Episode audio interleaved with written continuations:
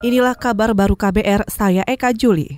Ketua DPR Bambang Susatyo menyatakan pelaksanaan uji kelayakan dan kepatutan calon pimpinan KPK bergantung pada kerja panitia seleksi. Jika pansel cepat merampungkan tugasnya dan menyerahkan 10 nama capim, maka uji kelayakan dan kepatutan bisa dilaksanakan DPR periode ini. Namun, bila target itu tidak tercapai, maka pelaksanaannya akan dilimpahkan ke DPR periode 2019-2024. Apakah itu dilakukan oleh DPR sekarang atau yang akan datang sangat tergantung pada kesiapan pansel.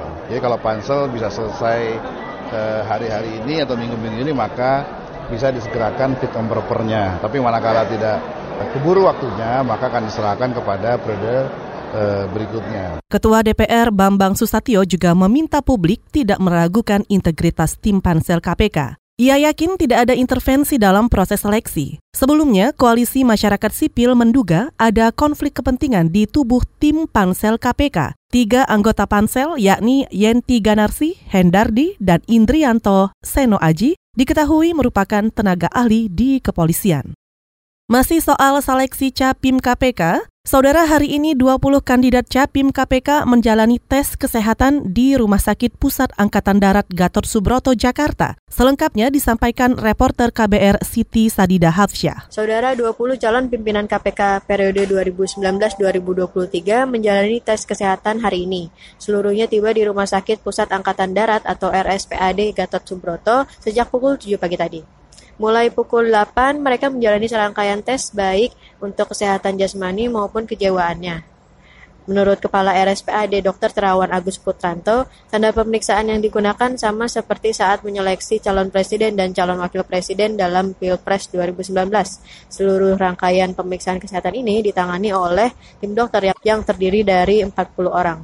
Sebelumnya, Ketua Panitia Seleksi KPK yang tiga Nasih menyebutkan pemeriksaan kesehatan selesai dalam satu hari dan hasilnya diterima oleh pasal KPK maksimal dua hari lagi atau tanggal 28 Agustus. Dari 20 capim KPK yang terpilih untuk lanjut ke tahap pemeriksaan kesehatan, dua di antaranya merupakan pimpinan KPK saat ini yaitu Alexander Mawarta dan pegawai KPK Sujarnako. Sisanya berprofesi sebagai dosen, anggota Polri, auditor, PNS, dan lain-lain. Sekian dari RSPAD Gatot Subroto, Jakarta Pusat, Siti Sadidah Hafsyah melaporkan untuk KBR. Kita ke informasi lain, Ketua MPR Zulkifli Hasan mengklaim seluruh fraksi setuju amandemen terbatas Undang-Undang 1945. Kata dia, fraksi parpol yang sebelumnya menolak saat ini sudah balik mendukung. Poin amandemen yang disepakati adalah soal menghidupkan kembali garis-garis besar haluan negara atau GBHN. Seluruh fraksi juga sepakat bahwa presiden tetap akan dipilih rakyat dan bisa membuat visi misi. Amandemen terbatas perlunya model haluan negara. Ini yang sekarang kita dulu rekomendasi, sekarang ada bahannya. Bahannya ini diserahkan kepada MPR yang lama, yang besok nih. Jadi apa tidak terserah MPR yang besok.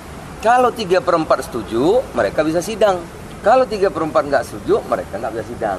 Nah, jadi akhirnya nanti putusan politik. Tapi Semua termasuk DPD. Golkar juga katanya. Semua, kan kalau nggak mana bisa.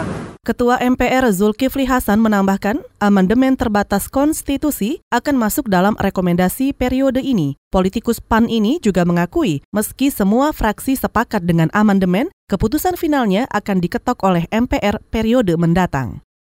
Saudara Gerakan Buruh Jakarta menolak wacana penghapusan hak atas cuti haid yang disebut menjadi salah satu poin revisi Undang-Undang Ketenagakerjaan. Suara penolakan itu disampaikan ketika menggelar aksi di kawasan Pelabuhan Tanjung Priok, Jakarta. Juru bicara Gerakan Buruh, Jumisih mengatakan, rencana penghapusan cuti haid sangat tidak manusiawi. Ini bukan persoalan sekarang yang menurut pengusaha teknologi sudah canggih, kemudian ada obat pereda nyeri, bisa mengurangi rasa sakit pada saat haid. Saya mau menyampaikan bahwa pada saat kita buruh perempuan haid atau perempuan secara umum haid, itu punya mekanisme di dalam tubuhnya memang harus istirahat. Ini adalah terkait dengan alat reproduksi. Juru bicara Gerakan Buruh Jakarta Jumisih juga menambahkan Bahkan, banyak pengusaha yang ingin cuti haid dihapus karena dianggap merugikan. Pasalnya, dengan aturan saat ini, buruh perempuan bisa mengambil cuti haid sekitar 24 hari dalam setahun. Selain soal cuti haid, buruh juga menolak poin-poin revisi lain mulai dari pengurangan atau penghapusan pesangon, pelegalan sistem alih daya atau outsourcing, hingga masuknya tenaga kerja asing. Saudara demikian kabar baru, saya Eka Juli.